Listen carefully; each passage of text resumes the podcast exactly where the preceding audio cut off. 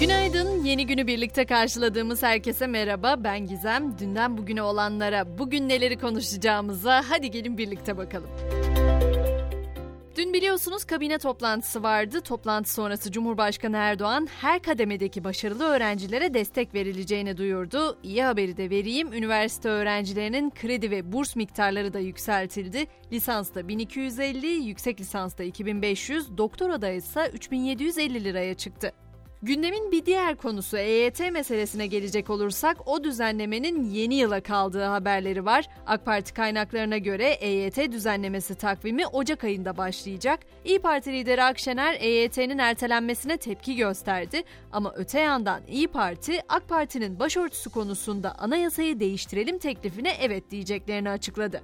Selim vurduğu Antalya'ya geçecek olursak orada da bilanço az çok belli oldu. 497 araç, 100 konut ve 920 iş yerinde hasar tespit edildi. Selde zarar gören serasına bakmaya giden bir kişi de kalp krizi geçirerek hayatını kaybetti. Bugün içinse başkente ve başkentlilere dikkat diyorum çünkü Ankara Valiliği bugün kentte beklenen sağanak nedeniyle sel ve su baskınlarına karşı uyarıda bulundu.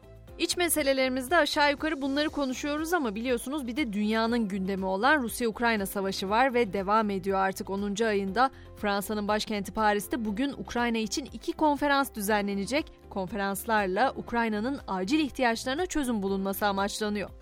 Avrupa'nın gündemi ise uzun süredir enerji krizi biliyorsunuz. Uluslararası Enerji Ajansı'nın doğal gaz raporu açıklandı. Avrupa Birliği'nin 30 milyar metreküp olası doğal gaz açığını önleyebilmek için güçlü tedbirler alması gerektiği belirtildi.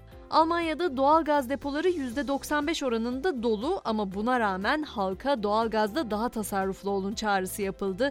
Avusturya Enerji Ajansı tarafından yayınlanan bir raporda da ülkedeki doğal gaz fiyatlarının Ekim ayında geçen yıla göre %119 oranında arttığı belirtildi.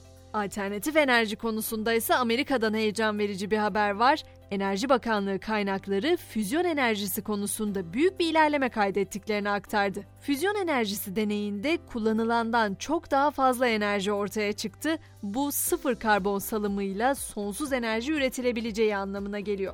Resmi açıklama ise bugün yapılacak. Gözümüz kulağımız bir yandan da bu haberde.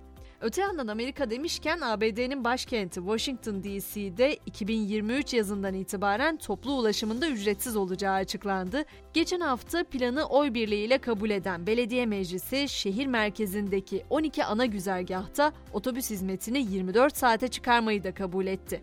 Dünya turumuzu Endonezya ile devam edelim. Ülkede evlilik dışı cinsel ilişkiyi yasaklayan yasa tasarısı parlamentodan geçmişti ve bu yasağın herkesi kapsadığı açıklanmıştı. Ülkenin turistik adası Bali'nin valisindense yeni bir açıklama geldi.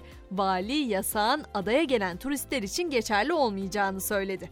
Peki sosyal mecralarda neler olup bitiyor derseniz WhatsApp'a gelen yeni özellikten söz edeyim. Bu özellik sayesinde kullanıcılar artık tek sefer gösterilen mesajlar gönderebilecekler. Daha önce bu özellik fotoğraf ve videolar için geliştirilmişti. Artık metin mesajları için de kullanılabilecek.